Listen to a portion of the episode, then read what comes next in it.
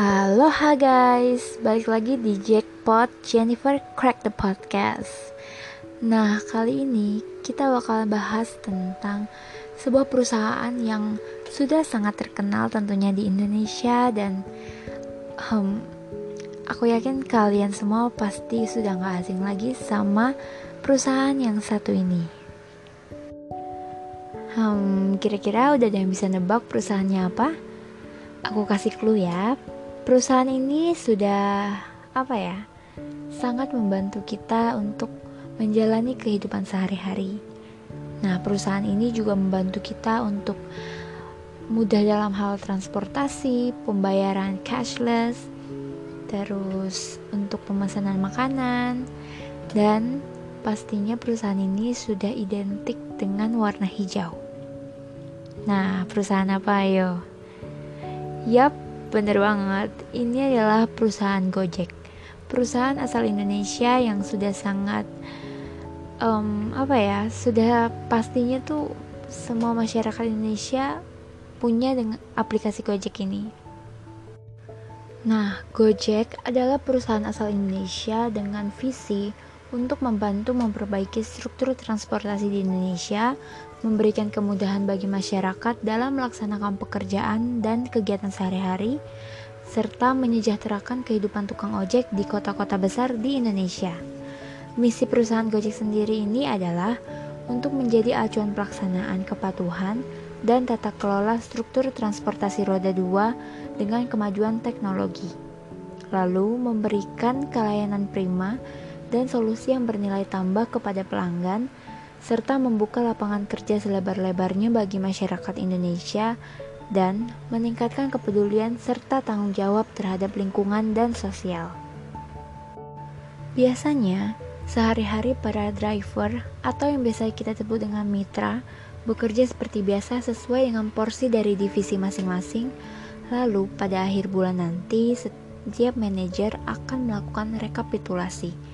Setiap satu bulan, Manajer akan mengadakan rapat yang berisikan evaluasi atas kinerja selama satu bulan, serta merencanakan kegiatan apa sih yang akan dilakukan atau mengambil ide atau saran-saran dari karyawan untuk memperbaiki kinerja Gojek ke depannya. Nah, walaupun sudah mempersiapkan segala sesuatunya dengan sebaik mungkin, perusahaan Gojek tidak lupa untuk mempersiapkan apa saja yang harus ditangani jika terjadi human error. Misalnya ketika driver Gojek atau mitra Gojek bermasalah ataupun berbuat kesalahan yang tidak disengaja namun customer merasa dirugikan, maka customer berhak melaporkan kejadian tersebut dan laporan ini akan masuk ke customer service untuk selanjutnya diserahkan kepada manajer FO atau manajer front office untuk dijadikan masukan serta bahan evaluasi pada rapat bulanan. Nah, kalau kalian bertanya-tanya, manajer di perusahaan Gojek ada apa aja sih? Nah, aku akan menjawab pertanyaan kalian. Di perusahaan Gojek, manajer terbagi menjadi empat divisi. Yang pertama, manajer bidang IT, di mana manajer bidang IT ini mengurus karyawan yang bekerja di bidang programming dan web. Lalu yang kedua ada manajer front office dan pemasaran. Di sini manajer front office bertanggung jawab terhadap customer service, administrasi serta pemasaran.